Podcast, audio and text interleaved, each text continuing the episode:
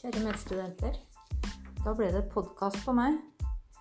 Eh, vi har et oppdrag. Vi skal lage en digital presentasjon og besvare noen relevante spørsmål. Og det skal vi altså bruke et eller annet digitalt uttrykk til å gjøre. Eh, og nå sitter jeg på toget med en laptop som jeg er ganske lei av å sitte og taste på. Eh, så da tenkte jeg at podkast var bra. Eh, jeg skal alltid klare å holde i telefonen mens jeg lager den her. Og podkast har jeg jo aldri prøvd før, så det går sikkert bra.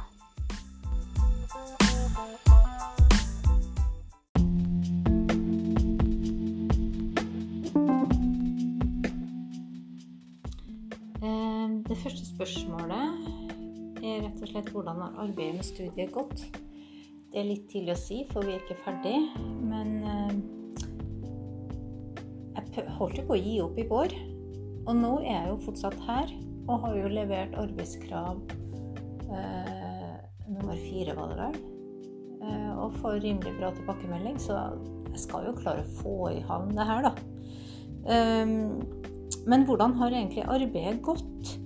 Eh, når det kommer til lesing, så syns jeg det har eh, vært veldig positivt. Jeg skal ikke påstå at jeg har lest absolutt all litteraturen, men jeg har lest ganske mye.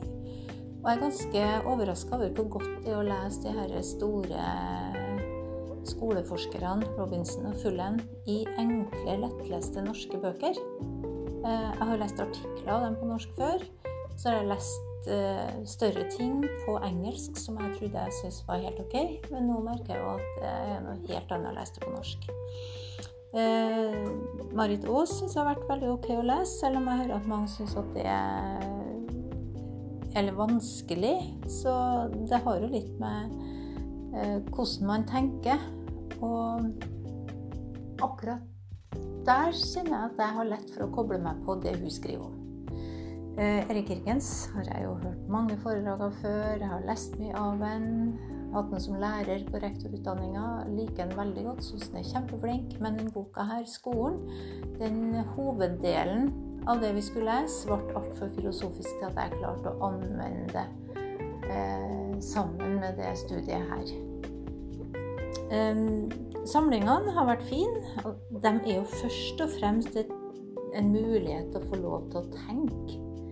Eh, det er jo altfor mye oppgaver som bare kommer eh, ja, litt tilfeldig inn i arbeidsdagen til, til vanlig. Sånn at det å få lov til å bruke flere dager i strekk til å tenke og snakke om hva en tenker, og fokusere på et område som en står midt oppi, og som en samtidig leser om, det, det har vært veldig bra, syns jeg. Um, ja.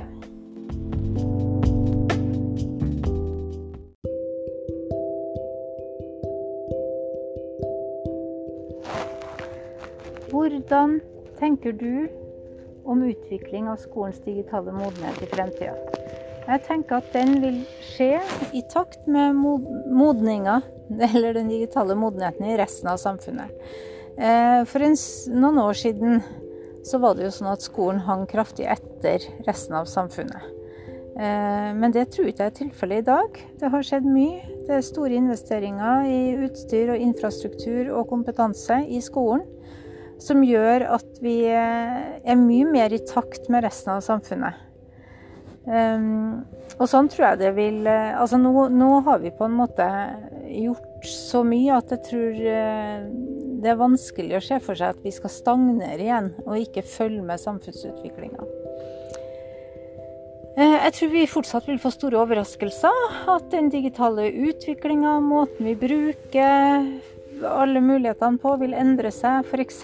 sånn som vi ser nå, at det er mye vanligere å bruke muntlig tekst istedenfor teksting eh, i form av eh, skriftspråk. Eh, det har vi jo hørt om i det siste, at unge mennesker sender heller små lydfiler til hverandre enn å drive og tekste så veldig mye. Eh, ja. Jeg prøver altså å si at jeg tror ikke jeg har noen mulighet til å forutsi den digitale modenheten. Jeg tror det kommer til å bli overraskelser.